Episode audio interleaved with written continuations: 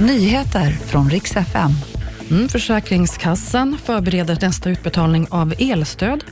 Och så ska det handla om Ryssland. Vem är det som styr och hur mår egentligen Putin?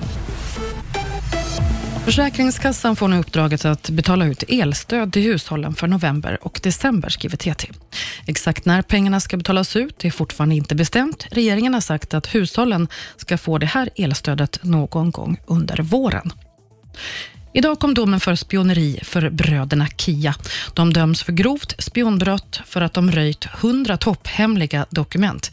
Utredningen har inte kunnat bevisa vilka som faktiskt har nått Ryssland. Den ena brodern som har jobbat för Säpo och militära underrättelsetjänsten, han döms till livstidsfängelse.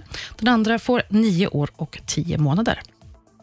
Och hur mår Putin egentligen? Ja, det har länge gått rykten om att den ryska presidenten har både cancer, demens och Parkinson. Och filmer har analyserats fram och tillbaka. Ukrainas president Zelensky han går nu ännu längre och ifrågasätter om Putin ens lever och vem det är som bestämmer egentligen i Ryssland. Mm, Putin har inte setts bemöta det här själv, men hans talesperson förnekar och säger att det här det är bara önsketänkande från Ukrainas sida. Det var nyheterna. Jag heter Maria Grönström.